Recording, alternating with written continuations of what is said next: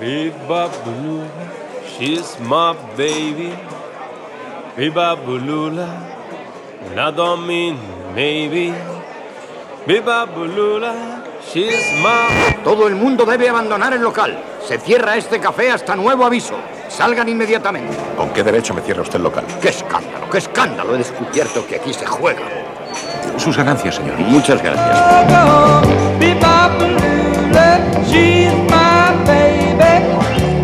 Des de Casablanca, el podcast, no la pel·lícula, comencem la tertúlia del bar d'Enric.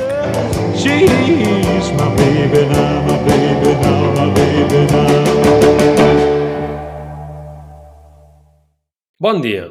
Vaig conèixer Teodor Damas a través de Twitter, encara en temps de la pandèmia. Seguia el seu compte, com tants altres comptes de la meva corda, que havia anat afegint durant els anys alegres del procés. És veritat que el seu compte em cridava especialment l'atenció perquè feia servir d'àlies un personatge de còmic molt famós dels anys 70 que sempre m'ha caigut simpàtic.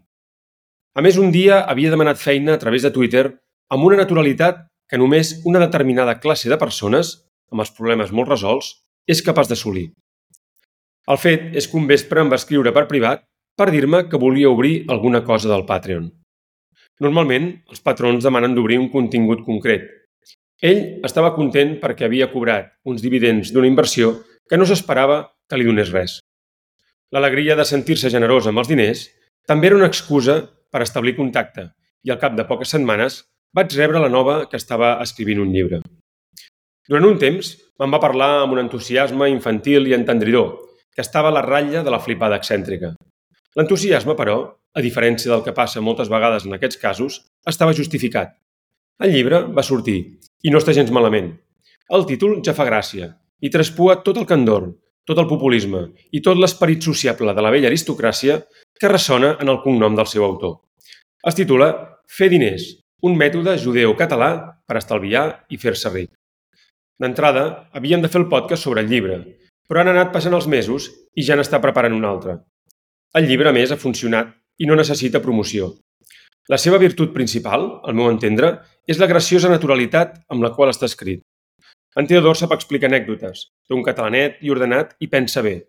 Si no preteneu fer-vos rics, però voleu llegir alguna cosa sobre diners que sigui fresca i us doni idees, no perdreu el temps.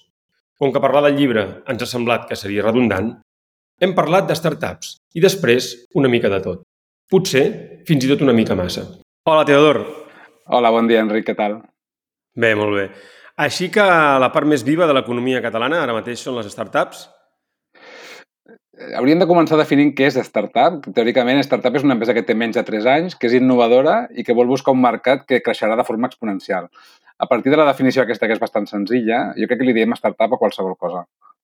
Però qualsevol cosa és una startup o, o no? No, real, startup, llavors. realment no. Realment hauria de tenir aquesta part de novetat, o sigui, que sigui més o menys una empresa jove, podríem dir 3, 5 anys, 7 anys màxim, si és de ciència, i que sigui innovadora. Llavors hauríem d'entrar en què és innovació, perquè innovació no és exactament descobrir un producte que no existeix, es pot innovar amb tot. Es pot innovar fent sabates, es pot innovar fent portes, o es pot innovar amb un restaurant, que resulta que et presenta la carta doncs, amb, una, amb un iPad, o resulta que ho pots reservar des de casa, o t'ho porten... O sigui, es pot innovar amb productes molt de la vida de fa un segle. No cal que siguin Clar. productes que no existeixen. Però qui posa la línia? Jo crec que està en el, en el terreny del màrqueting. Tothom vol associar-se a ser una startup perquè com que tothom parla de startup i és una mica l'èxit, doncs ser startup ja et dona una visibilitat que si dius que ets una pime, doncs té molt menys glamour una pime. T'imagines el senyor de Pimec, sí. el senyor aquell del senyor González de Pimec, i et ve menys de gust invertir que si dius que és una startup i veus un senyor amb barba d'ESADE, diguem. Bueno, perquè la startup també té una altra, una altra característica, almenys en l'imaginari, que és una empresa que dona molts beneficis en molt pocs anys. És a dir, que tu hi fas una inversió i de seguida té un retorn molt gran. Sí, la diferència a nivell com a inversor, quan sent a parlar de startup en lloc de PIME, PIME és una empresa que es queda ja facturant 4, 5, 10 milions d'euros i que fonamentalment mai recuperaràs la inversió. Si aconsegueixes que et paguin uns dividends seran tan minsos En Que- sèrio? Sí, que si no és teva la PIME, o sigui, si la PIME és teva, si tu obres un garatge de mecànic o obres una llibreria, sí que és una PIME que pot funcionar, però com a inversor extern que entra en aquesta, en aquesta PIME, el que l'amo fundador compartirà amb tu és massa minso perquè com a inversor et compensi. En canvi, una startup Val. el que et promet és creixeré tant que els beneficis seran tan grans que els podrem compartir els fundadors i tu, inversor. I aleshores, el que passa aquí una mica amb Catalunya, entenc, i en Barcelona, és allò que vam comentar l'altre dia, de que és com l'Àgex de- d'Amsterdam, és a dir, que aquí creem startups o empreses que tenen un cert potencial de creixement, que presenten unes certes novetats i que aleshores quan exploten, en el cas de les que exploten en el bon sentit de la paraula, perquè d'altres suposo que deuen explotar en el mal sentit de la paraula, aquestes eh, startups, diguem, creixen i se'n van doncs, a altres ciutats, a Madrid bàsicament, o altres capitals europees. És això? També podríem dir que una startup és una empresa innovadora que creix en una ciutat de províncies important i que després se'n va a una capital? Silicon Valley, per exemple. Bueno, a mi, a mi això de que Barcelona la consideris o l'anomenis ciutat de províncies em posa, em posa nerviós perquè per mi és una ciutat capital d'estat igual que Madrid o, de fet, millor que Madrid. Senzillament, a l'estat espanyol, inclús a la península ibèrica, tenim tres grans ciutats, o sigui, Lisboa, Madrid, Barcelona, i les tres estan competint per lo que seria allò, el mercat del sud d'Europa amb algunes italianes. Llavors, el fet de que en el mateix estat o el mateix país que ens imposen Catalunya i, i, i Espanya tinguem dos capitals que, fan, que són d'una mida similar, Madrid i Barcelona, fa que s'especialitzin. Llavors, Madrid, pel fet de ser capital, eh, acaba sent la capital financera perquè els bancs tenen la seu allà perquè depenen molt de les concessions públiques que reparteixen al palco del Bernabéu, però automàticament en fer això, en dedicar-se a tenir ministeris i finances, perden tot l'altre no, no és que ho perdin, de fet no ho han tingut mai, però una, una ciutat no ho pot tenir a tot. Una ciutat no ho pot tenir tot. Potser sí que a França, París ho té tot, perquè és l'estat jacobí per excel·lència, però quan Madrid intenta fer de París no li surt bé, perquè fonamentalment eh, a Madrid no hi ha hagut mai burgesia, no hi ha hagut mai indústria, no hi ha hagut mai turisme, no hi ha hagut mai agricultura. Llavors, realment, l'únic que tenen és serveis basats en, anava a dir en l'espoli, però bueno, basats en ser capital, vale? i això va lligat a Però això no finances. està canviant? Això de Madrid no està canviant. Ells intenten obrir restaurants, intenten fer coses per solucionar-ho. També és veritat que la, tampoc no era la capital financera fa un, fa un segle. O sigui, la capital Sí. financera sempre havia sigut Barcelona i Madrid era la ciutat burocràtica. És a dir, aquesta distinció entre Nova York i Washington, perquè ens entenc, Sí. ens entenguem, jo crec que funcionava millor fa un segle que ara. És a dir, fa un segle sí que realment Madrid era Washington i Barcelona Nova York. Sí, Avui jo, no sé si Barcelona és Nova York i Madrid és Washington. jo crec que no estem en el nivell Washington-Nova York. Està clar que Madrid s'ha quedat la, les finances i abans no les tenia. Ara estaríem ja en un nivell més Nova York-San Francisco. Sí? Uh -huh. eh, Madrid seria Nova York i nosaltres seríem San Francisco o Los Angeles. Vale? Llavors, és veritat que Nova York és un monstre i que té les finances i que té molt poder, seria l'equivalent de Madrid, tot i que jo crec que Madrid s'assembla més a Miami que no pas a Nova York, vale? Uh -huh. I nosaltres seríem on hi ha la innovació. O sigui, realment als Estats Units totes les coses noves apareixen a Califòrnia. Mai, mai, mai apareixen a Nova York. Des d'internet fins al menjar biològic o ecològic, fins als gais, fins... Hi ha tota una sèrie... Sí, sí. Tot, tot Això, surt... això està explicat, això està explicat a les ciutats creatives del Richard Florida. Jo, jo el que et deia justament, per això t'he posat l'exemple aquest de Silicon Valley, de ciutat de províncies, en el sentit de que al final hi ha un moment que aquestes innovacions que es fan a Califòrnia on realment es consoliden és a la costa, diguem, de Nova York, a, Nova York-Washington. La meva pregunta, quan hem començat amb el tema de les startups, és quan exploten aquestes startups, això ho havíem comentat tu i jo alguna vegada, em sembla, se'n van a Madrid, em deies tu. Se'n van a Madrid, se'n van amb una capital financera. O sigui, les, les startups comencen... O sigui, el que tenim aquí, que és el que costa més de tenir, és perquè és la part més difícil, és muntar la startup des de zero. Munt, vale? I per, Uh -huh. per què surten a Catalunya les startups i no surten a Madrid o a Sevilla? Perquè aquí tenim una cosa que, que és molt difícil d'aconseguir d'un dia per l'altre o d'un segle per l'altre, que és que tenim molta densitat d'actius. Densitat d'actius vol dir famílies amb empresa, eh, serveis d'alt valor afegit, gent que fa patents, advocats que saben com muntar una, una startup, centres d'investigació, hospitals, escoles de negoci, famílies que entenen que s'ha d'arriscar per aconseguir un- muntar empreses des de zero. Això ho tenim aquí perquè tenim una tradició que tots més o menys tenim algun avi que es va fer ric muntant una empresa Uh -huh. i encara que ara no siguem rics, com que les històries aquestes es transmeten de pares a fills o d'avis a nets, a la que veiem una proposta d'inversió on entenem el risc i la rendibilitat associada, doncs ràpidament doncs, posarem 1.000 euros, 10.000 euros, 100.000 euros. Això a Madrid no passa. No passa perquè... Es poden posar 1.000 euros en una startup? Sí. Avui en dia hi ha plataformes de crowdfunding, com la que jo treballava abans, que es diu Capital Cell, que és a partir de 500, 1.000 euros. Sí, es pot.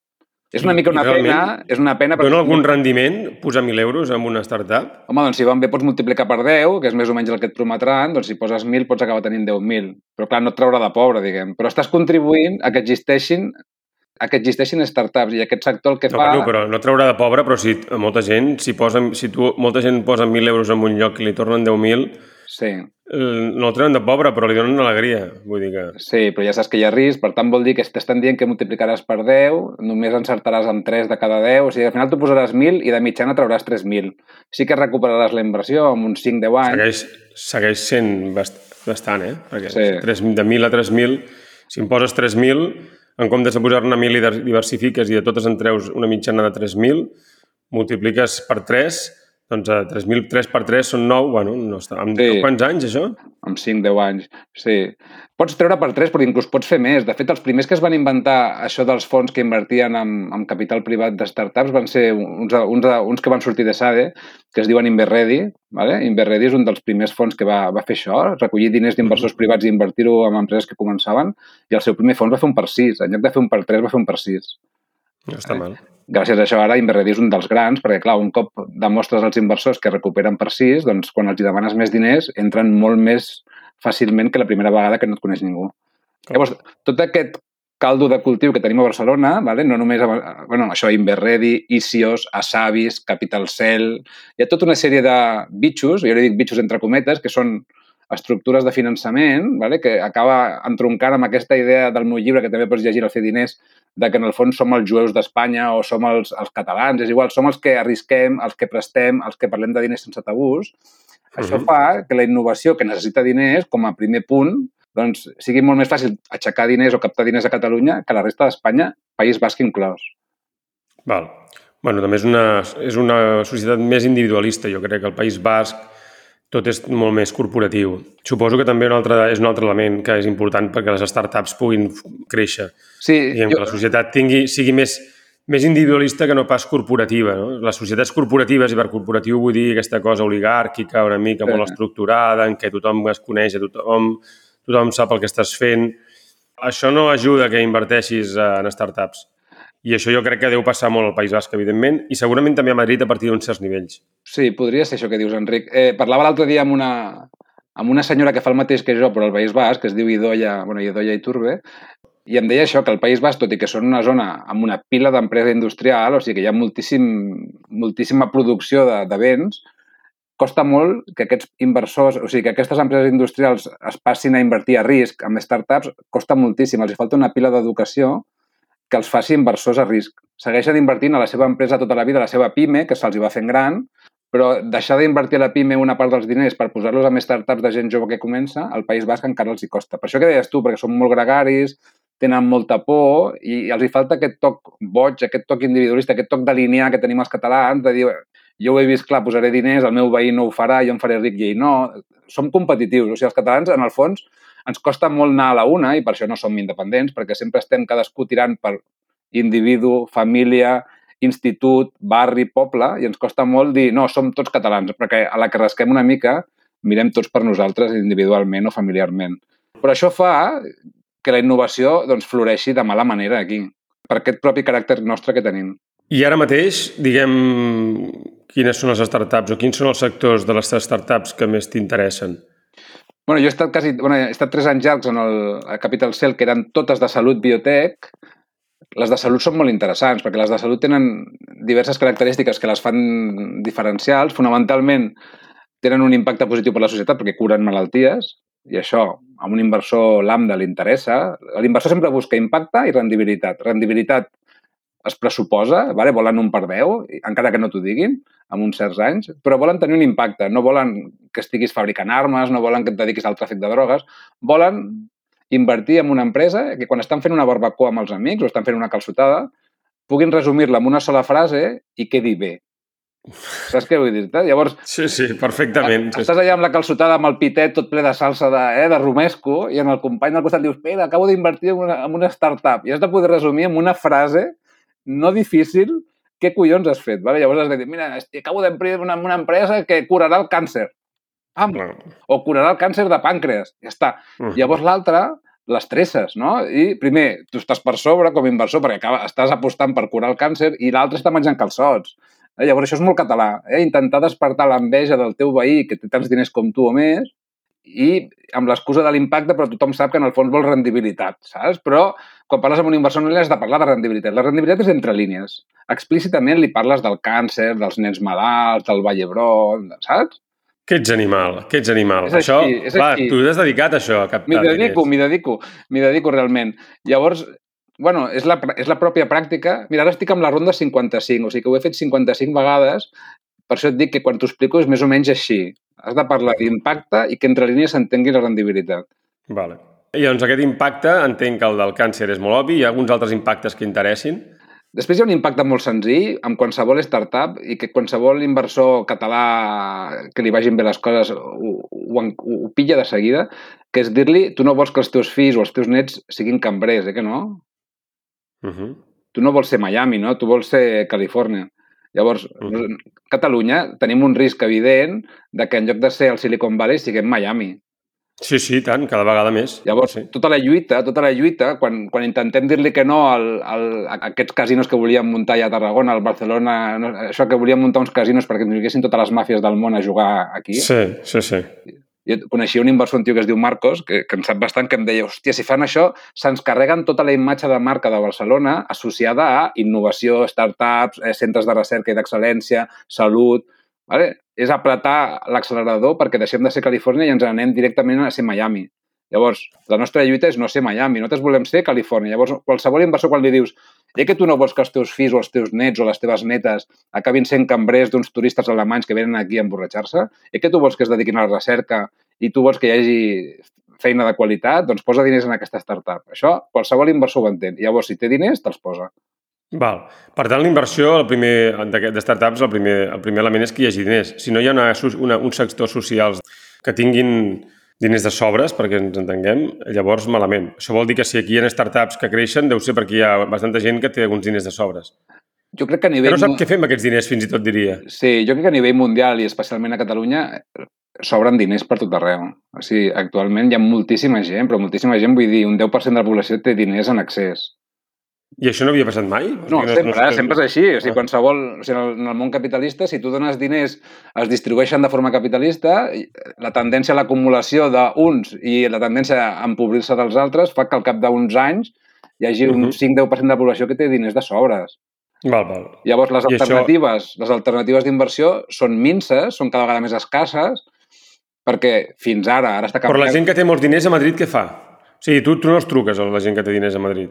Sí, sí, però són diferents. És que, evidentment, si, si hi ha gent de, diner, de Madrid que volen invertir a Catalunya, se'ls se ha de deixar venir, evidentment. Clar, evidentment. Però, però a les fases inicials, les fases aquestes llavor, prellavors, i quan l'empresa es munta i, deixen, i entren els primers diners de la família i els amics, i la següent ronda on encara entren inversors purament privats, aquí la gent de Madrid normalment no entraran. Però no entraran, primer, perquè no són d'aquí, o sigui, els inversors privats entren amb inver... es considera que entren amb startups que estiguin a menys de 100 quilòmetres de casa seva. Val, això està bé, no ho sabia, això. I, Ok, això, ok, ok. I això li passa a qualsevol inversor, a l'Enric, al Teodor, a qui sigui. Quan et proposen, Val. una, quan et proposen una inversió d'alt risc, alta rendibilitat i d'impacte, la primera cosa que mires és on són i si són a prop de casa. Però a prop de casa vol dir 100 quilòmetres, vol dir que si l'empresa de Girona, li entrarà gent de Girona. Si l'empresa de Barcelona, li entrarà gent de Barcelona. Però si són de Madrid, li entrarà gent de Madrid. Per tant, Uh -huh. aconseguir que inversors de Madrid entrin amb startups en fases inicials de Catalunya, com que hi ha més de 100 quilòmetres, és difícil. Al revés, al Però, però a mateix. Catalunya 100 quilòmetres donen per bastant. 100-150 quilòmetres donen per bastant. Sí, 100-150 vol dir que si la- si l'empresa és de Barcelona et podria entrar algú de Girona i si és de Girona et podria entrar algú de Barcelona. No molt més que Algú? això. Algú. No quan dius algú vols dir... Quan dius algú vols dir algú. Algú. No és el mateix. No és el mateix. Per exemple, et poso un exemple. Jo que sé, a Girona tenen una, una xarxa d'inversors. Els inversors en fases inicials es diuen Business Angels, vale? BA.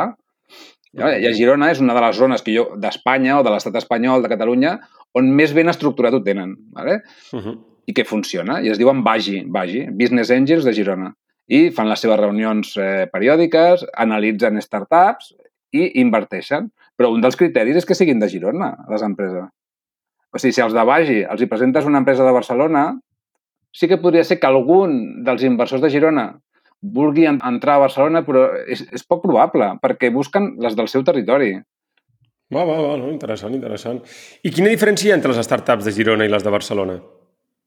Hmm. És una bona pregunta, crec que no l'havíem fet mai aquesta. Eh, Barcelona, igual que Madrid, té un problema, que és que és molt car el terreny. O sigui, o sigui, muntar una startup a Barcelona o a Madrid de seguida és molt més car que a Girona, a Tarragona, eh, fins i tot a Sabadell, fonamentalment perquè si llogues una oficina a Barcelona et surt caríssima. Llavors, a partir d'aquí, se't complica bastant, però en canvi tens molts recursos humans a prop, o sigui, pots contractar becaris o pots contractar gent qualificada de forma bastant eficient perquè es mouen en transport públic. Llavors, a nivell de costos de l'startup, doncs tot el que serà espai d'oficines o espai de fàbrica és molt més car a Barcelona o Madrid que a la resta de l'estat, però en canvi la contractació de personal és més barata o és més fàcil. Vale? Què vol dir? Que si l'empresa és de Girona, ràpidament podrà po- posar-se, podrà muntar una planta industrial, podrà estar fabricant coses. En canvi, a Barcelona o Madrid no pots fabricar res. Només pots dissenyar, només pots vendre serveis, conceptualitzar, però el dia que vulguis muntar la fàbrica te n'hauràs d'anar fora de les, de les capitals, que és on el terreny té un preu normal. Llavors, Per, per tant, entenc que Sabadell, Terrassa, tot el que és aquesta zona, deu, deu, en Rubí, de- tot això ha de ser bastant atractiu per a les startups, o hauria de ser-ho, perquè està a prop de Barcelona i depèn, pots de, arribar amb transport públic i pots arribar amb els ferrocarrils catalans clar, depèn, sí, i el terreny és més barat. Clar, depèn del que faci la startup. Si és de salut biotec, com que fonamentalment estan en un laboratori i estan fent investigació, encara no els hi cal el terreny. El que els hi cal són doctorats i els hi cal un suport públic, universitats, centres de recerca. No els hi caldria, però de seguida, la que puguin, acabaran a l'Autònoma, acabaran a Sabadell, una mica el que jo deia, no? acabaran en el Brooklyn català, diguem. Barcelona acabarà sent el Manhattan, on evidentment no tens gaires startups o només les tens en fases molt inicials, però a la que es fan grans i han de contractar 200 o 1.000 persones, ràpidament se'n van cap a fora a buscar un lloc on sigui més competitiu. Però això és natural. Molt bé. Sectors, diguem, de la cultura i així... Tots els sectors són ciència, no? Entenc? Les startups. El, el sector de la cultura s'estan fent... Bueno, no sé si... Bueno, aquí a Catalunya fa molt temps que es treballa amb una cosa que es diuen clústers. Clústers fonamentalment és intentar agrupar empreses del mateix sector perquè col·laborin entre elles, fonamentalment per això que dèiem que els catalans són molt individualistes i tenen tendència o tenim tendència a no col·laborar entre nosaltres, a fer-nos-ho sols, perquè no creiem en el veí o desconfiem, o ens ho volem quedar nosaltres al tresor, diguem. Llavors, des de fa molts anys, des de la Generalitat, s'està impulsant el que seria l'economia de clústers, que vol dir muntar una patronal, muntar una agrupació per defensar els seus, els seus interessos de forma consensuada. Llavors, en el cas audiovisual, jo crec que hi ha moltíssima feina per fer i hauria de ser, hauria de ser un tema de país. Evidentment, tenir un, un clúster de salut ja el tenim i és molt interessant tenir-lo, però tenir un clúster de cultura va més enllà dels diners. O sigui, a part de que el teu fill no treballi de cambrer, també vol dir que seguirà sent català. Podrà parlar Mhm. català, podrem explicar al món qui som i, i quina diferència hi ha entre nosaltres i la resta de cultures del món. Llavors, aquí jo crec que s'hauria de potenciar. Ja hi ha un clúster audiovisual de recent creació, jo crec que no té gaire, no porta gaires anys, i el que hem d'aconseguir és omplir Netflix de sèries nostres i de pel·lícules nostres, igual que fan els israelians amb el, amb el seu idioma. Ja, ja, ja, però això, això com es fa? Com fas tu una startup de cultura? És a dir, perquè a mi ha una cosa que em sorprèn, per exemple, és que nosaltres fóssim un pioners a Espanya amb el tema del periodisme digital i, en canvi, a l'hora de la veritat, després no hi hagi, diguem, plataformes de blogs, Enric, per no et exemple. sento, no hi s'ha quedat contallat, a veure? Ara. Dic que una de les coses que, que a mi m'ha trobat sorprenent és que aquí vam ser pioners amb el periodisme digital, Sí, amb VilaWeb i tot això, però en canvi de seguida es va veure que tot el tema de plataforma de blogs, tot el tema de tota la tecnologia associada a la cultura, a la cultura, diguem, digital, amb això no hem liderat res. Fins i tot el tema, per exemple, de, de traducció de llengües, que haguéssim pogut liderar, tampoc hem liderat res. És a dir, en Viquipèdia, nosaltres tenim una, moltes entrades i estem, diguem, som una de les llengües amb més entrades a la Viquipèdia. Però lo normal seria que hi hagués alguna mena de startup, per exemple, en temes de traducció simultània Mm. havent el català, sent el català una llengua mitjanament important dintre d'Europa, però que alhora no té, no té estat. I que lideréssim això. En canvi, això no s'ha fet. I això a mi em fa pensar que hi ha motius geopolítics o polítics pel mig, que això també deu ser un tema de les startups i un tema dels inversors. És a dir, els inversors no inverteixen en segons què que pugui anar contra les bases del poder establert. Mm, jo crec que en, en el tema cultural hi ha una certa por dels inversors o una certa desconfiança de com fer-ho per guanyar calés, tenir impacte i al mateix temps ser català. Eh, Quan cures el càncer, que siguis català o siguis andalús, importa poc, perquè si el medicament cura el càncer, la gent el comprarà, però jo crec que fins al Carràs, fins pel·lícules tipus el Carràs, en què s'ha demostrat que l'idioma no importa, al contrari, perquè, de fet, un cop ho poses en plataforma, ve doblat en 20 o 30 llengües o subtitulat en 20 o 30 llengües, per tant, l'idioma original només fa que sumar i explica millor aquella Exacte. cultura, aquell origen, aquell, aquell producte.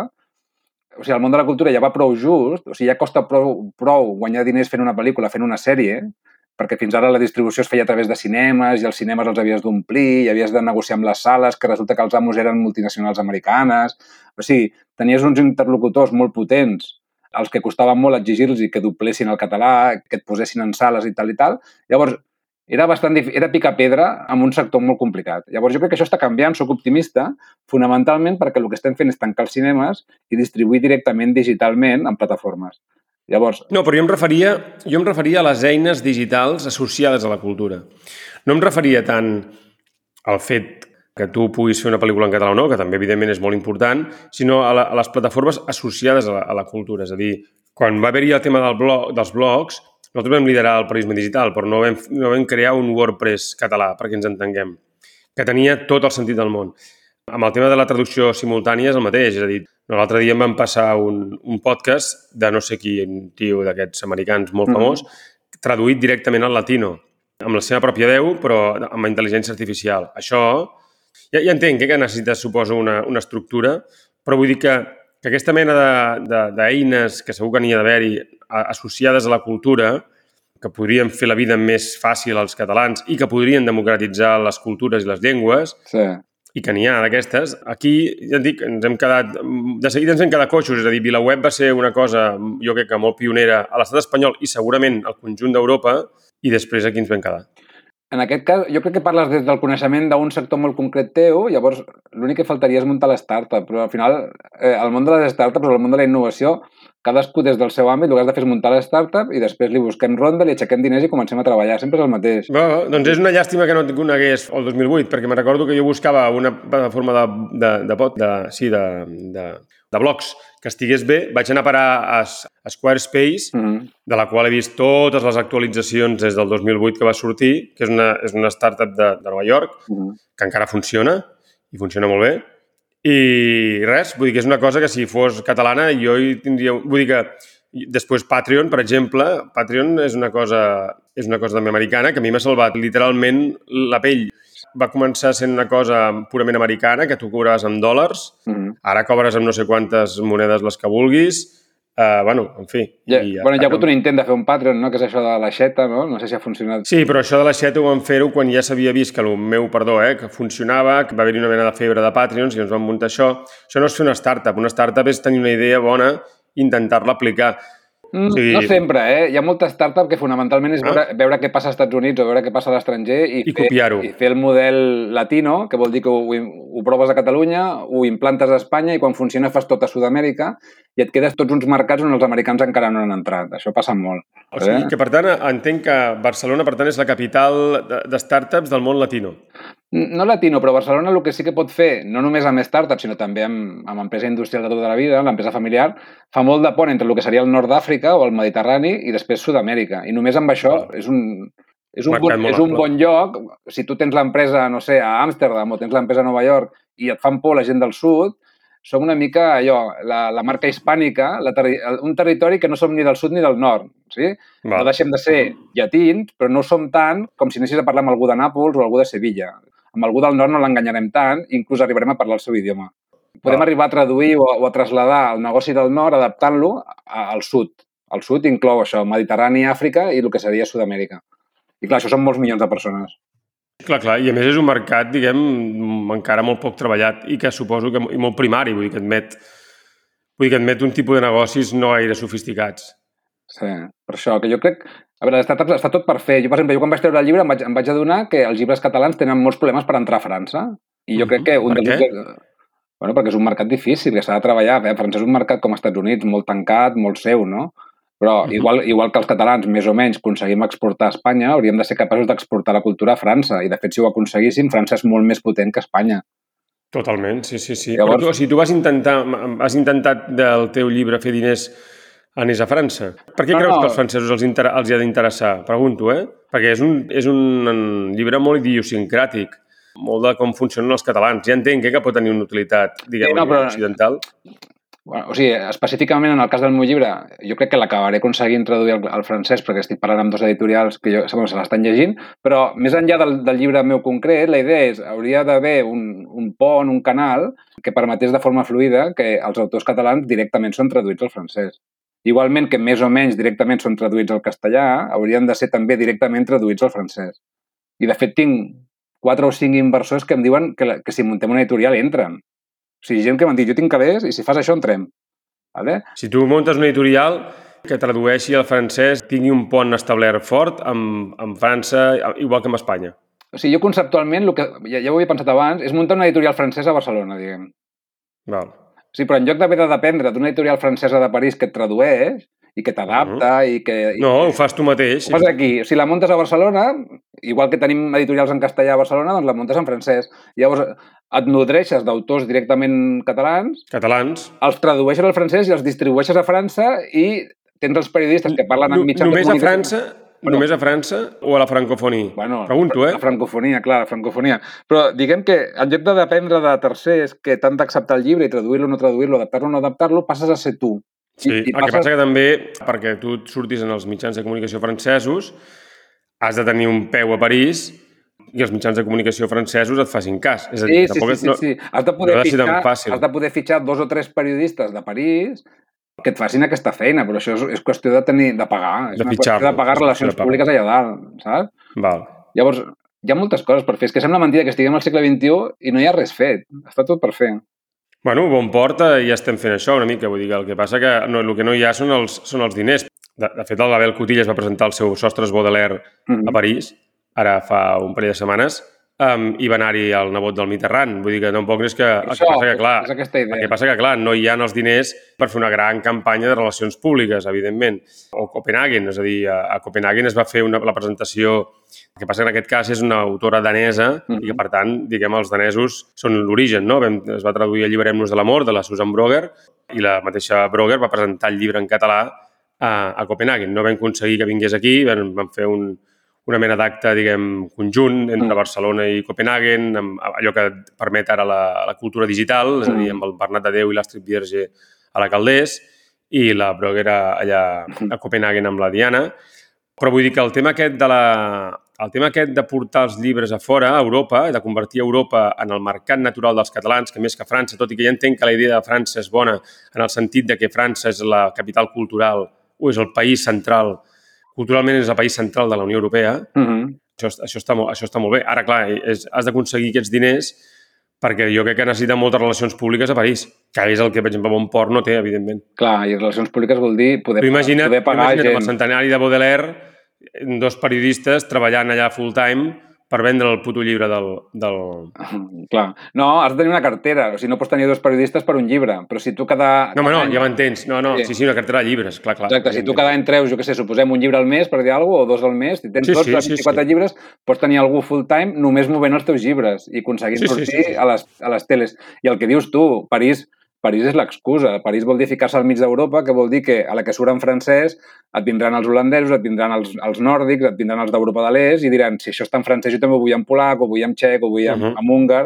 En, Totalment, en húngar, totalment. Exacte. Hi ha un tema, perquè a més sobre això que t'anava a dir, i no t'ho no he dit justament per això que estàs dient ara, de que París és la capital, diguem, de, de la Unió Europea. De fet, el, hi ha un podcast aquí a, a Casablanca que vam fer amb l'Abel Cotillas quan l'Abel va marxar a París, Mhm. que el que dèiem és París és el lloc ideal per veure com s'enfonsa Occident. És a dir, en el sentit de Nova York ja no funciona, Nova York ja, Mm. ja no és el...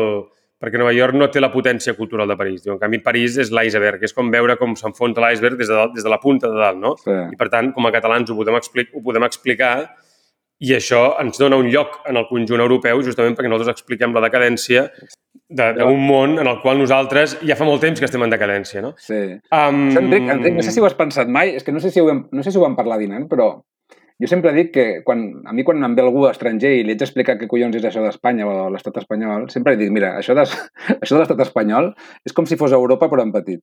Eh? Llavors, cada, cada regió és un país europeu i se'm queden mirant, llavors em quedo callat i espero que es posin nerviosos i llavors els hi començo a explicar. Dic, mira, Catalunya és França. És molt fàcil. Si tu mires els catalans com funcionen, empresa familiar, els importa la cultura, els importa la gastronomia. De fet, el 25% dels, dels catalans són d'origen francès que van arribar aquí fugint de la Revolució Francesa, són molt de casa seva, són molt poc de sortir fora, bla, bla, bla, bla. Al final, són francesos. Som francesos. Això ho deia molt el doctor Cirera a Twitter, que el gran odi que ens té Madrid en els catalans és perquè són francesos i això no ho han pogut digerir mai. Bueno, ara, ara permetem que jo em posi estupendo. En realitat, els francesos són catalans, però és igual. Sí, és a dir, o tots no, no, no. occitans, o tots No, no. occitans, però...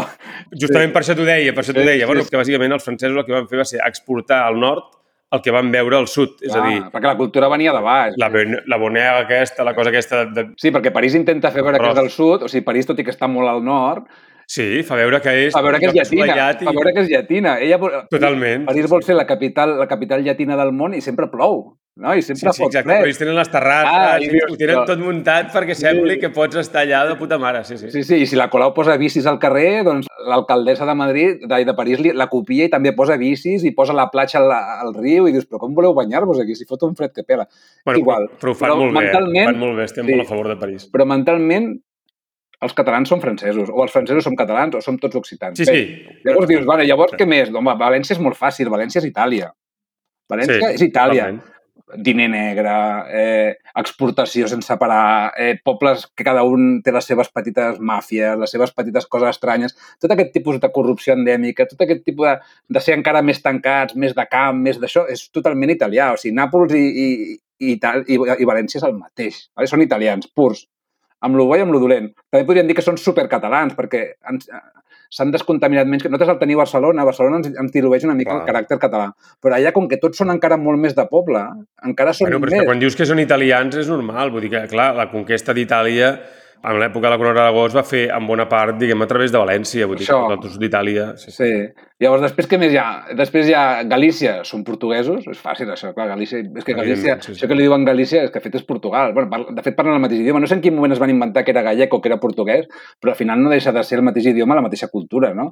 Això de, de plorar a casa escoltant fados, ¿vale? Llavors, el País Basc és Alemanya, és fàcil, Uh -huh. empresa industrial, són racistes, eh, el gent O negatiu, eh, bueno, saps?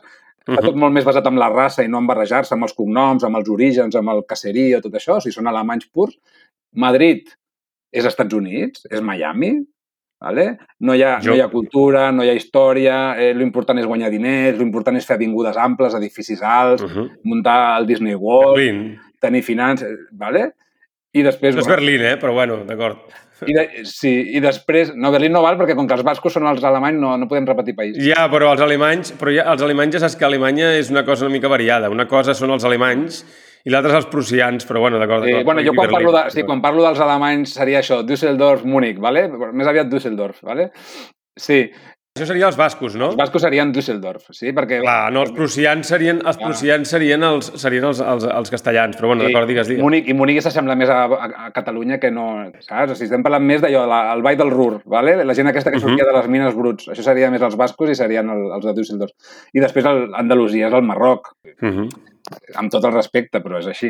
I I què dius amb tot el respecte? Què els hi No, passa? que a vegades quan ho he explicat, a vegades quan, a vegades quan ho he explicat, la, me, la meva parella em diu no, però si dius que són al Marroc, això és ser racista. Dic, no, re, Saps no, què no. pensava que diries? Que són els romanesos. Em No. pensava que diries que són els romanesos. No, dic el Marroc en sentit positiu. No vull dir pobres, ni vull dir no. Vull dir, és una mica que és, que és la, mateixa, la mateixa gent, la mateixa cultura, els mateix, la De mateixa... fet, ja saps que l'ara, ja saps que l'ara, el periodista aquell del segle XIX, deia que, que Espanya era el prostíbul d'Europa, eh? Vull dir que i és això. també, Eh? també ho tenim. Però per això no volem ser Miami, nosaltres, que, que vagi més a baix. La gent que venen a... I que no. Exacte, que s'ho quedi a la cana, això. O, o Benidorm. Absolutament. No, que collons, Alacant és nostre, que s'ho quedin els madrilenyos i que s'ho emportin cap a Extremadura. Posin a Múrcia, jo què sé. Ho necessiten. Sí. Exacte, posin a Múrcia, deixin en pau. Això. Però, per exemple, això que dèiem de, de París, tenim aquest, aquest director de cinema que està fent una mica, seria una mica... Albert que- Serra. L'Albert Serra està fent això d'una forma, Sí. forma molt inquietant i només algú de Banyoles o algú d'allà dalt que ho té molt més... Per ell és molt més evident. O sigui, la gent, la gent de l'Empordà, la gent que estan tocant a la frontera, Sí. el de ser francesos ho tenen molt més a la sang. Sí, bueno, jo crec que no, eh? No, el que el té a la sang que és el cachondeo d'en fotre tant dels francesos, que és diferent. No, no crec que sigui exactament de tenir la sang de ser francès. O sigui, jo crec que no hi ha res menys francès que un, empur, que un empordanès. És a dir, jo, jo crec que el que hi ha... Mira, l'altre dia estava llegint, estava llegint eh, una biografia del Pompeu Gené sobre Miquel Servet. Val? Sí. Miquel Servet va, ser, va, va acabar a la foguera, diguem, condemnat per Calví. Mm -hmm. I Calví eh, vivia a Ginebra, però devia tenir orígens francesos, perquè al final, al final en el, en el Servet, ai, en el, en el Pompeu Gené, li surt, i mira que és un tio que va fer el primer llibre, el primer llibre va fer en francès a París, Mm -hmm. prologat per, per el pare de León Daudet, Mhm. el, ara no recordo com es deia, que és un gran escriptor també, Sí, l'Alfons... Um, això, prologat per l'Alfons Dodet i, i, i res, i al final acaba, en el fons, li, li surt la, la ràbia aquesta antifrancesa tan catalana Sí. um, de, de dir que, que el Calví, en el fons, tot el problema és que era, era francès. M'explico què vull dir no? Vull dir que jo, jo no crec que els empordanesos siguin el que- gaire prou francesos. No, jo jo crec que se volia dir- n'enfoten dels francesos amb més gràcia. Sí. Jo no sé si és... Jo diria que tant a l'Empordà com a la Cerdanya és l'únic lloc on jo m'he trobat amb gent que sense haver estudiat francès l'entenen o el parla. parlen. Sí, Mhm. és quasi un idioma, un idioma no oficial. Sí, germà, sí, sí. un idioma del territori, no? Jo què sé, a més, Mhm. hi ha ciutats tipus Roses, que hi ha tants francesos que tenen segones residències o que hi viuen quan es jubilen, que el de parlar francès, eh, si vols treballar de cara al públic, és, és més important que parlar castellà, de fet. O sigui, Sí, sí, sí. sí. Llavors, això fa que per ells, quan els expliques lo de anem a muntar una editorial que sigui pont amb el mercat francòfil, clar, ho entenen molt més ràpid. Llavors, l'Albert Serra, que no, no vull entrar a valorar si s'estima o detesta els francesos, com a mínim els entén com a mercat. Vale? O sigui, Ah, no, no, absolutament. No, no, no, no dic que els detesti, eh? Però vull dir que hi ha aquest punt una mica de d'enfotre-se'n. Vull dir que jo Sí, crec que hi ha però- un d'enfotre-se'n bastant notable. però és, és, és agosarat. O sigui... Que, Ah, sí, sí. Que des Bueno, és, és agosarat en una època en què tothom el que ha fet ha sigut intentar entrar al mercat anglosaxó. O sigui, el que és agosarat, jo crec, és veure en França un mercat... És agosarat, tot i que ara comença a ser molt indicatiu, també. Però jo crec que en el cas de l'Albert Serra, que porta molts anys amb això, és agosarat veure França com un mercat a conquerir quan tothom anava al, mer al mercat americà. Fins i tot ara, que tu et parentegis la idea aquesta d'entrar a França no deixa de ser un punt agosarada perquè el normal, el que estan fent moltes editorials de Barcelona, és intentar entrar al món llatinoamericà. És a dir, que tu estàs proposant, en el fons, és una cosa però és un error, que té de nova... Però és un error, és un error Totalment. conceptual. Jo, jo, he treballat, jo abans de treballar en el món dels diners treballava en el comerç internacional i màrqueting de productes industrials, o sigui, mobles i bueno, moltes coses, vale? I mobles, aliments, bueno, una, una mica de tot, i sempre el model de negoci perquè una empresa catalana li vagin bé les coses sempre és el mateix, sempre, sempre, sempre. Eh? I això que bueno, vaig començar amb una empresa d'Olot, que ho tenia molt clar perquè està molt a prop de la frontera, però després amb empreses de Barcelona, de Castellbisbal, de Rubí, sempre és el mateix model. Primer, Catalunya és el teu mercat natural on fas les proves. Eh?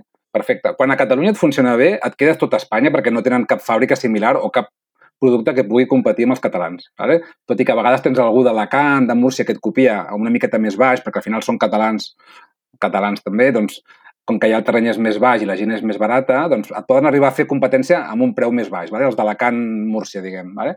Però, Mhm. A part d'aquesta petita competència que et pugui aparèixer en, en terres ala- alacantines, el producte català, un cop a Catalunya ha funcionat, arribes a Espanya i t'ho quedes tot. A partir d'Espanya, quedar-te a Latinoamèrica és relativament senzill. L'única competència que tindràs són els americans del nord, però que sempre els hi costarà adaptar-se. Vale? Pots tenir algun brasilenc que et doni pel sac, però poca cosa.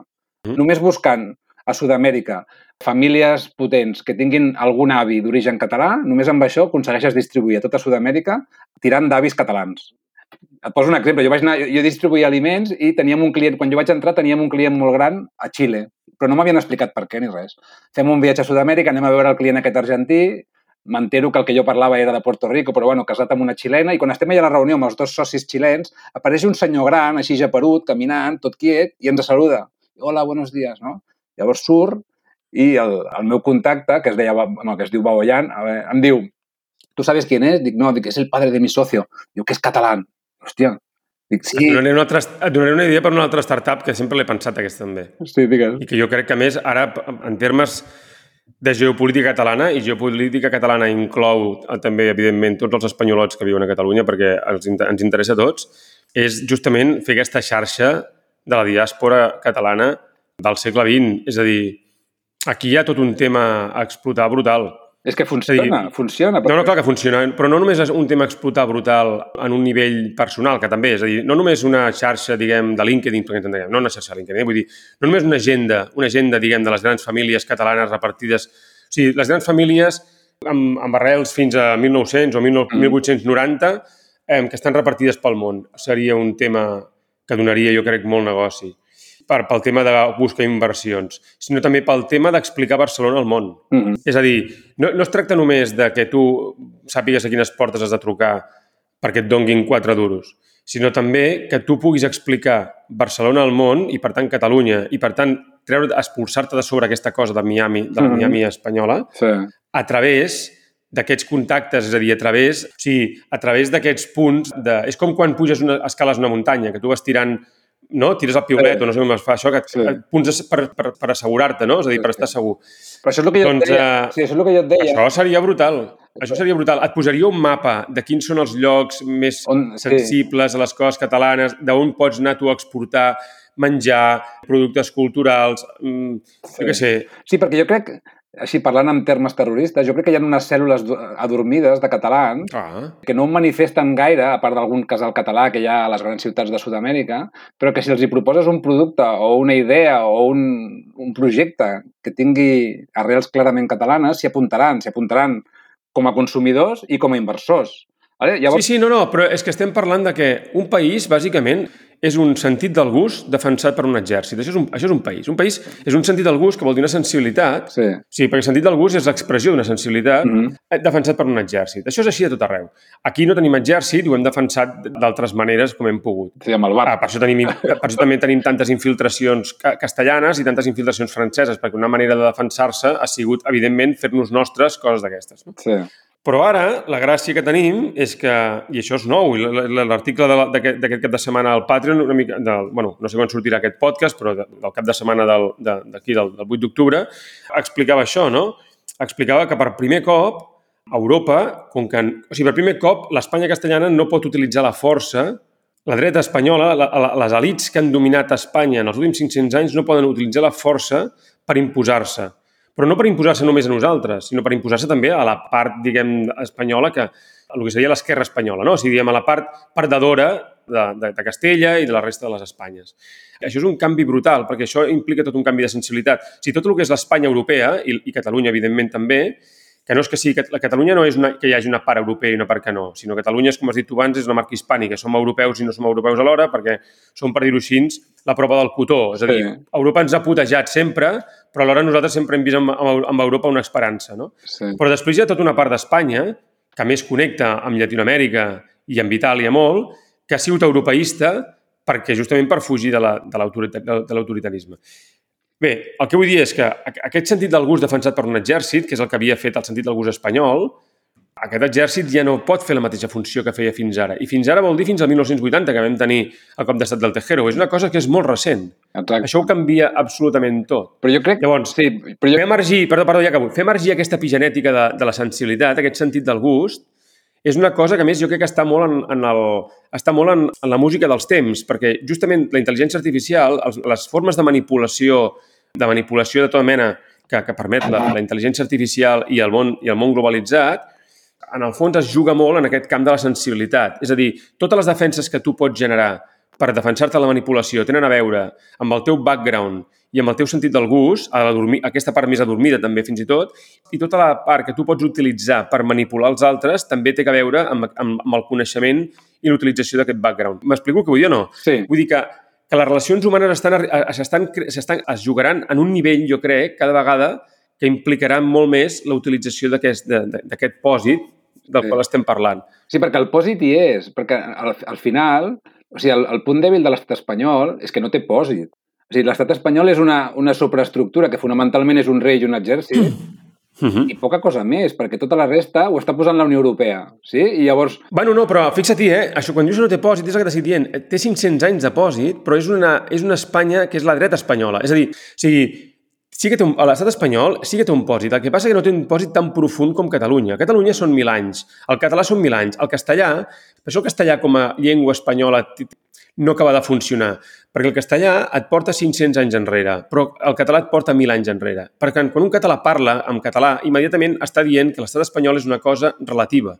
És una cosa que és... No, que és, és a dir, Nova, que és és una modificable. cosa nova, sí. Nova, modificable. Això que dius que és una cosa nova fa riure, però el Manyí Flaquer té escrit això literalment. És a dir, Sempre dic, però jo, Enric, jo sempre dic, en, en alguna, alguna vegada a Twitter ho he dit, o sigui, l'estat espanyol com a tal existeix quan es va inventar l'IVA. O sigui, en el moment en què tu Sí. poses, la de, en el moment en què el Felipe González obliga en els empresaris catalans a pagar IVA i IRPF, és quan l'estat espanyol comença a existir i medita fer-se bueno, gran. els, els castellans et dirien que l'estat espanyol comença a existir quan, quan, el, quan, quan el conde Du- duque d'Olivares comença a fer servir la hisenda espanyola, Sí, hisenda però és purament una... No, vull dir que, però No. vull dir que fixa't una cosa, ahir, a- a- a l'altre dia, amb, amb la reunió que vam fer a Màlaga a la Unió Europea, explicava un cronista que es van portar a Madrid a veure no sé quin cony de castell de, de Carles V, diu, i tots van entrar allà admirats i tot això. És a dir, Espanya sí que té una mística que té 500 anys.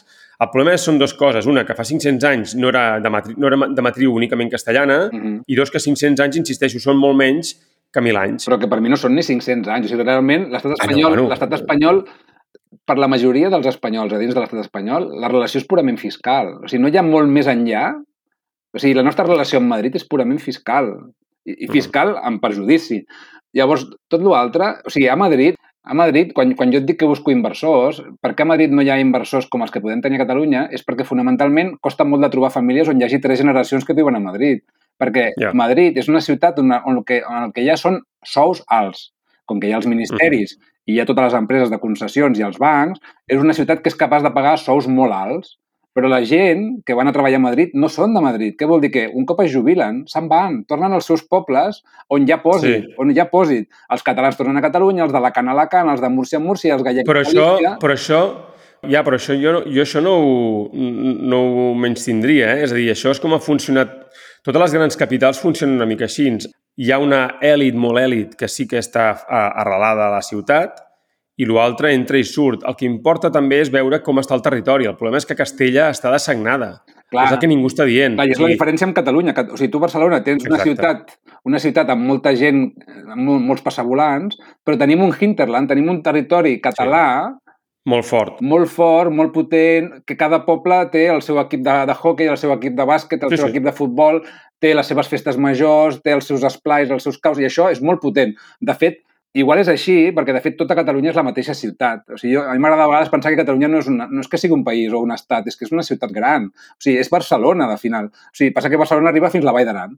Perquè Bueno, això és una mica el que tu diries del Gran Londres. Són, són més o menys és això. Sí, sí. I hi ha molta gent que viu a Girona perquè els interessa pel que sigui, però no deixen de ser de Barcelona, o gent que viu a Barcelona que són de Tarragona. O sigui, realment el, els moviments de persones i de capitals a dins de Catalunya estan tan, tan creuats que ja quasi podríem pensar que és una gran ciutat de 8 milions d'habitants.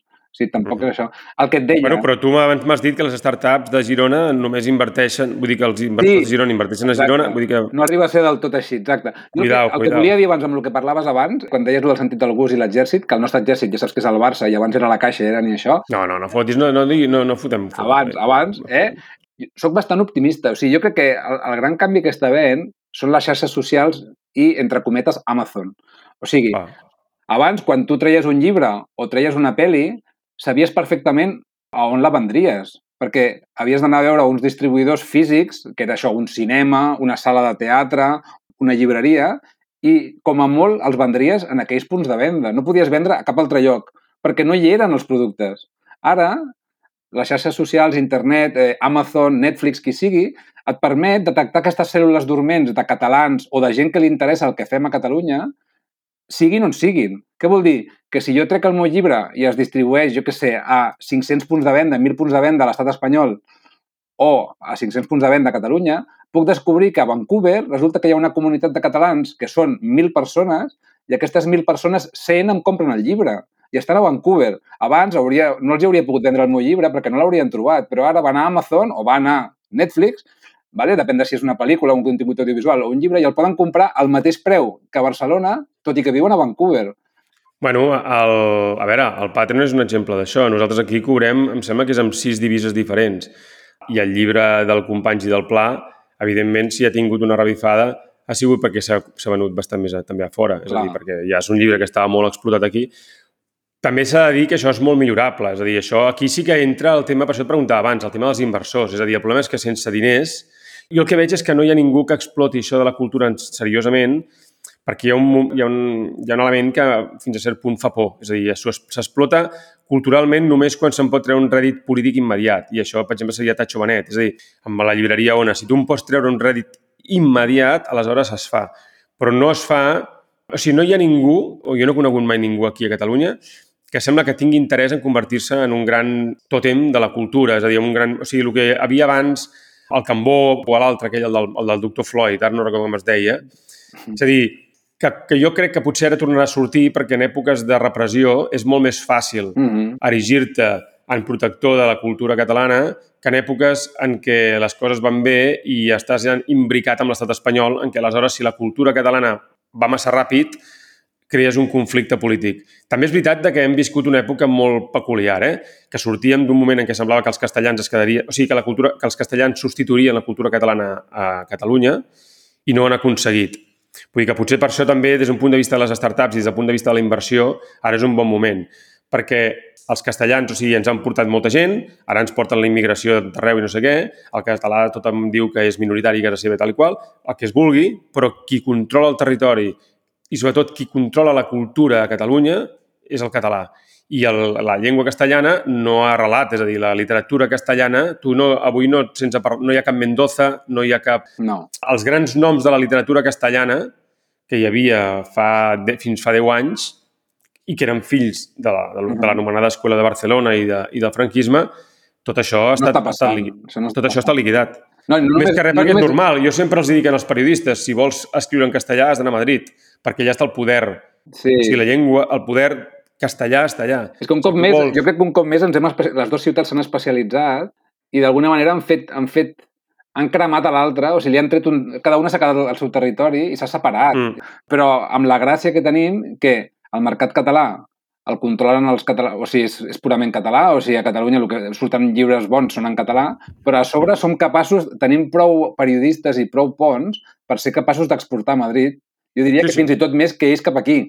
O sigui, tenim... Sí, sí, totalment. Bueno, sí, sí, totalment. Tenim el bueno, que mi els articles, a mi els articles me'ls llegeixen a Madrid. Exacte. Llavors, jo crec que el nostre... I jo els tradueixo amb el Google Translator. Vull dir que no, jo no els escric en castellà. No, no, però és que no és cap tonteria, això. Clar, clar, sí, sí. Però vull dir, jo què sé, per exemple, si, o sigui, tenim tota una sèrie de, de catalans que estan fent el que hauríem de fer ara en França, que ens estan fent de pont cap a Madrid i després cap a Sud-amèrica i aconseguim exportar els productes, perquè de fet com a catalans sabem que si no exportem ens morim de gana. Vale? Bueno, jo tinc un altre, tinc, també tinc un altre, un altre projecte, vull dir que també te'l dic aquí en, en, en directe i, i d'això, que és el de crear un mitjà de comunicació europeu en base a Barcelona, escrit en català i en la resta de llengües europees. És a dir, la meva idea, i això ho vam parlar amb la Diana quan vam crear Bonport, era buscar articulistes a París, articulistes a Copenhagen, articulistes a Berlín, pocs, eh?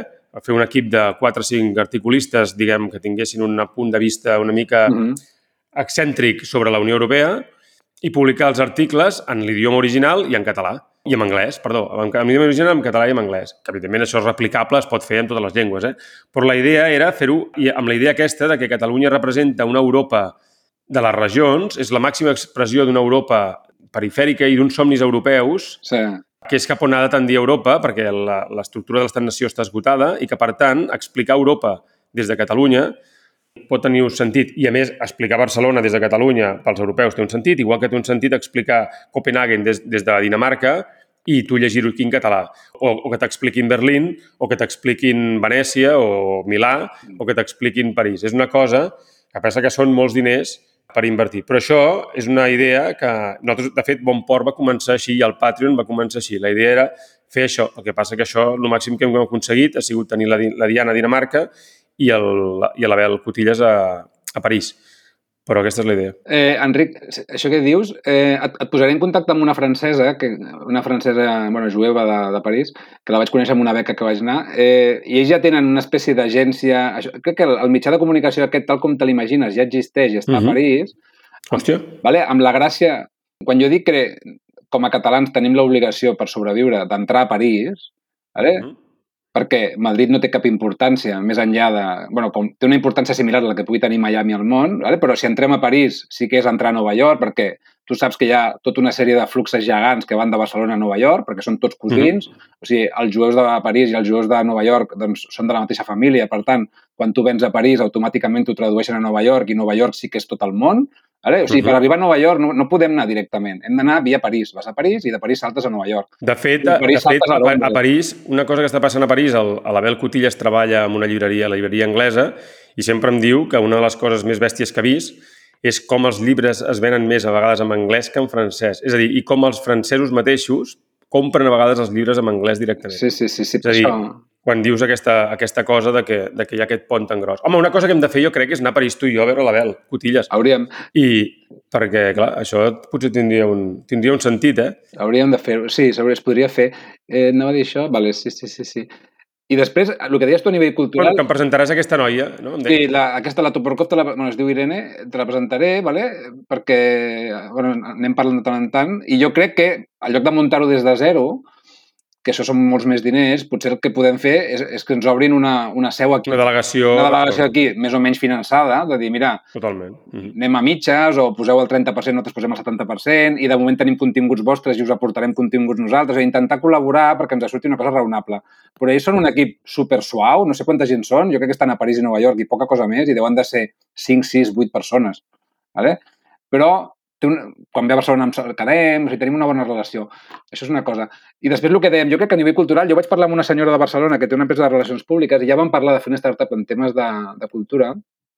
Tenim el projecte, tenim el nom i tot, però no ho hem fet per el que deies tu, perquè al final has de posar algú full time per aixecar diners i després començar a treballar.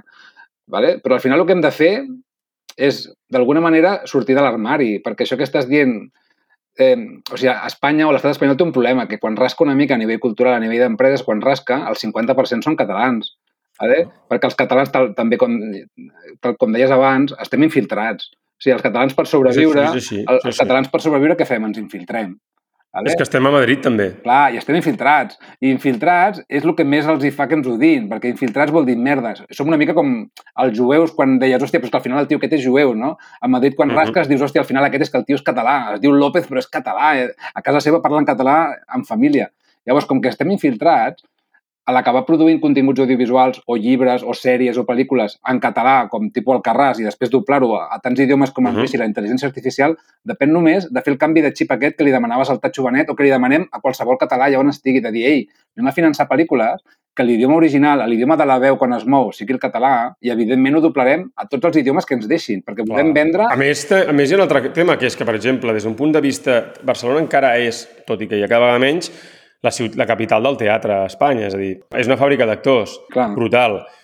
Vull dir que jo, jo, jo el que veig aquí amb el tema de la cultura és que la cultura són les autopistes a través de les quals es mou l'economia. I aleshores, si nosaltres no som capaços ara d'assegurar aquesta posició, sí que tindrem un problema molt gran. Pujol va intentar fer això de l'economia a través de la política perquè la cultura li feia por, perquè la cultura el problema que té és que com que condiciona la política t'acaba creant un conflicte polític si no tens, diguem, no tens el marc en el qual tu puguis expressar la teva cultura i com que l'autonomia quedava petita per Catalunya, Pujol sabia que si els escriptors i els cineastes i els pintors, diguem, s'emocionaven massa, acabarien xocant en Madrid i no volia que xocava en Madrid abans d'hora, Sí. però ara que hi hem xocat en Madrid ara que no tenim política i ara que estem en el marc europeu, Sí. jo crec que és el més intel·ligent és això, és muntar una cultura que sigui significativa a Europa. És a dir, que Ah. tingui una veu a Europa i que més sigui, que jo crec que, és, que amb això sí que tenim una gran possibilitat, que sigui admirada a Europa com la cultura catalana ho era admirada pels espanyols en l'època franquista. És a dir, Europa està en un moment difícil, en un moment, diguem, que en certa manera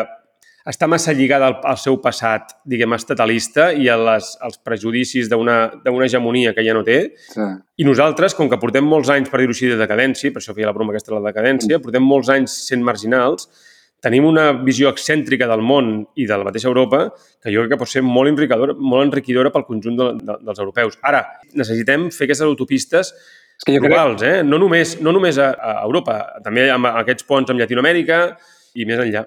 És que jo crec que o sigui, el problema d'Europa és que Alemanya no és cap actor polític. O sigui, Alemanya només és una fàbrica. O sigui, Alemanya no té cap intenció, ni cap voluntat, ni cap idea de com influir políticament a Europa. O sigui, En realitat no és així, eh? però bueno, això és una altra... Jo, és a dir, jo crec que els alemanys són com els catalans. Eh? O sigui, jo crec que els alemanys el que passa és que no, pot... no, és que no, no és que no tinguin cap intenció. Jo crec que la voluntat de domini alemana és potentíssima, és tan forta com la catalana.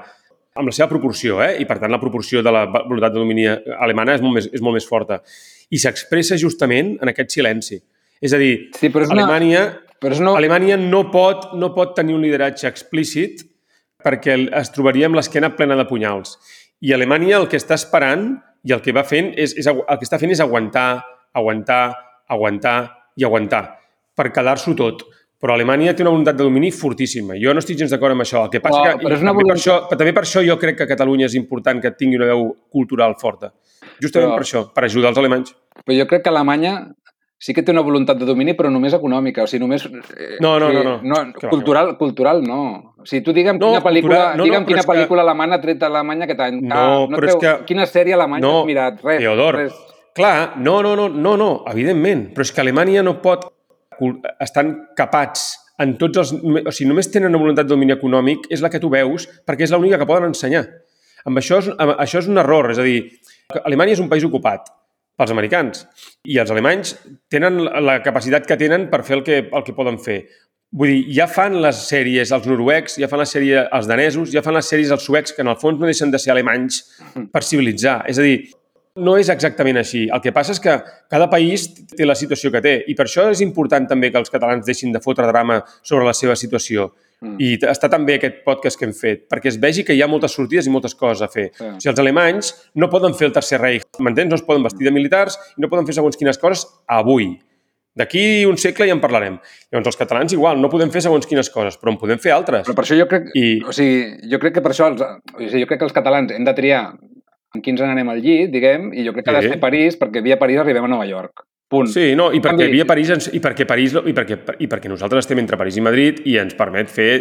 Jo crec que no és un problema de triar una ciutat, és un problema de fer balança. Exacte. I que jo crec que ara mateix no estem fent balança perquè tenim París molt oblidat. I perquè fer balança en París implica revitalitzar la Catalunya Nord. I només un exemple ja per acabar, però a la Biblioteca Nacional de França tu hi vas i veus literatura catalana al costat de la literatura sueca. Clar. És a dir, la llibreria, i tu vas allà i pots veure que la cultura catalana és tan important com la sueca, com la, com la holandesa o com la... Jo què sé, ara no me'n recordo quines hi havia, però, però vull dir que tu allà ho veus de manera molt gràfica. En canvi, i tu veus que el català, el valencià i el rossellonès estan posats en Junts, un mateix prestatge. clar. I en canvi, tu te'n vas a la Biblioteca Nacional d'Espanya i allà tens problemes perquè entenguin eh, quines són les coses. És més, tu te'n vas a França i dius, escolti, s'han equivocat. Tenen, per exemple, en francès la versió, o tenen la, la traducció castellana de- d'Incerta Glòria i és un llibre català, i et demanen perdó i t'ho corregeixen immediatament. I això a mi m'ha passat dues vegades. Mhm. Una vegada amb un llibre i una vegada una vegada amb una, amb una talla romànica en un museu de, de París. No, però és que t'ho fan immediatament. És a dir, Ah, perquè són conscients i saben què és ser català. En canvi, Bueno, i, perquè, i, tenen, i donen un valor a la cultura i a la història. I en canvi a Madrid no. Per tant, aquest, aquest, aquest, sí, aquest no tan, no tan, joc que l'hem de fer. no tan canviar, però balancejar segur. Sí, sí, sí. O sigui, Sí, que, la, sí, que les nostres segur. exportacions culturals no depenguin de Madrid i que, siguin, Exacte. i que, i que com a mínim arribem al, al mateix nivell amb, amb, amb el món francòfil. I el següent pas és Itàlia. Però ja en parlarem en un altre podcast. Però Itàlia és difícil. Itàlia és difícil. Ja, Itàlia, Itàlia és molt difícil. Itàlia és difícil per... Bueno, sí, Itàlia és difícil. Els veig una No, Itàlia el que s'ha de fer és portar-la a Catalunya, que és diferent que anar-hi nosaltres. Però ja Però venen. ja és un altre... els, els italians individualment ja venen, però... Sí, però s'ha d'aprofitar, perquè venen, però no, no ho sabem... Ens falta expressar els vincles amb Itàlia, que jo crec que és una cosa que sortirà sola en el moment en què siguem capaços d'exportar la nostra cultura. Però és Però una és una cosa, idea. els italians és una cosa molt curiosa perquè a priori semblaria que s'haurien de, ens haurien d'entendre fàcilment els catalans i posar-se a favor nostre i ràpidament fan al revés i es posen en contra. Perquè, perquè tenen por. I perquè Itàlia el progrés va ser, va ser parlar tots italià. O sigui, Mm. allà que tenien cada, cada ciutat un idioma, quan van decidir fer-se un país i dir-se Itàlia, per ells era el progrés. Parlar tots italià, parlar tots un sol idioma i deixar de parlar altres idiomes, dialectes... eh? Bueno, bueno, tenien el record de Roma i tot això, és una altra Eh, història. llavors, però per això quan els expliques el que és ser català dins d'Espanya, els hi costa bastant. Són dels més reaccionaris amb el tema català, els italians. I és curiós, perquè no hauria de ser així intuïtivament, però ho és. No, no, però no serà... És a dir, això, jo crec, cada cosa al seu moment. jo, jo, o sigui, jo crec que el futur de la Unió Europea o d'Europa en general depèn de França. O sigui, la que s'ha de carregar el sistema estatalista als estats de- de- d'Europa és França mateixa, que és la que va triomfar amb el model d'estat.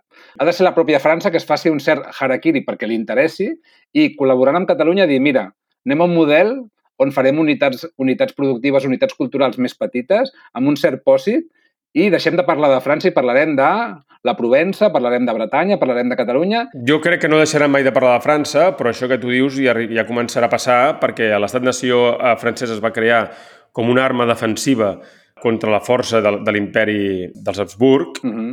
i, i aquest element eh, segurament està perdent, està perdent el seu sentit. Però bueno, ja en parlarem. Molt bé. Portem una hora i deu minuts, Sí. eh, hem de parar, Gràcies. però podem repetir eh, i parlar d'altres temes o de més temes d'aquests relacionats amb la- l'economia, la, inversió i Europa. Jo crec que podem fer una sèrie bastant Com- maca, si vols. Com vulguis, hem de buscar un tema, llavors que no tinc problemes per parlar del que sigui. Enric, això que deies del projecte cultural, que, li, que us faltaria inversors, jo com a expert, expert, entre cometes, en temes d'inversió, aixecar diners és tan senzill com arreglar els documents de la, de la proposta d'inversió. Un cop els documents s'arreglen, els diners entren, perquè diners n'hi ha infinits. Ara, et posaré un exemple. Jo ara estic en una empresa de Sabadell, vaig entrar el dia 26, 26 de setembre, vaig tardar, vam tardar 8 dies en arreglar els documents de la proposta d'inversió. El vuitè dia ho vaig començar a dir a inversors, li vaig dir a 48 inversors i dels 48, 3 van posar 100.000 euros cada un. Però, Doncs potser, potser, potser en parlarem. però la gran dificultat és deixar els documents on s'entengui bé la proposta d'inversió, el retorn, el per què fer-ho, amb qui fer-ho, com fer-ho. Els inversors estan oberts a escoltar propostes sempre i quan siguin raonables i siguin el que estan acostumats a veure. Bueno, doncs llavors ja et dic, potser un dia en parlarem amb tu cobrant la teva comissió, diguem, estigui. ampliada i tot, perquè clar, Igual no cal ni comissió, és només per fer coses. Home, no, volem sí, sí, volem canviar el món, volem canviar el món. volem canviar el món, però també volem viure bé, no fotis Sí. tu. Bueno, doncs, Enric, moltes gràcies pel teu temps i per haver-me rebut en el bar del Ric. A tu, a tu, a tu per venir. Fins a propera. Vinga, Enric, gràcies. Adéu, adéu. Play it, Sam. Play as time goes by. Oh, I can't remember it myself. I'm a little rusty on it.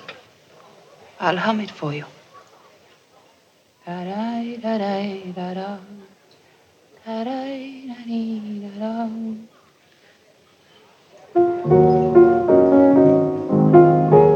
Sing it, Sam. You must remember this. A kiss is just a kiss. A sigh is just a sigh. Fundamental things apply as time goes by.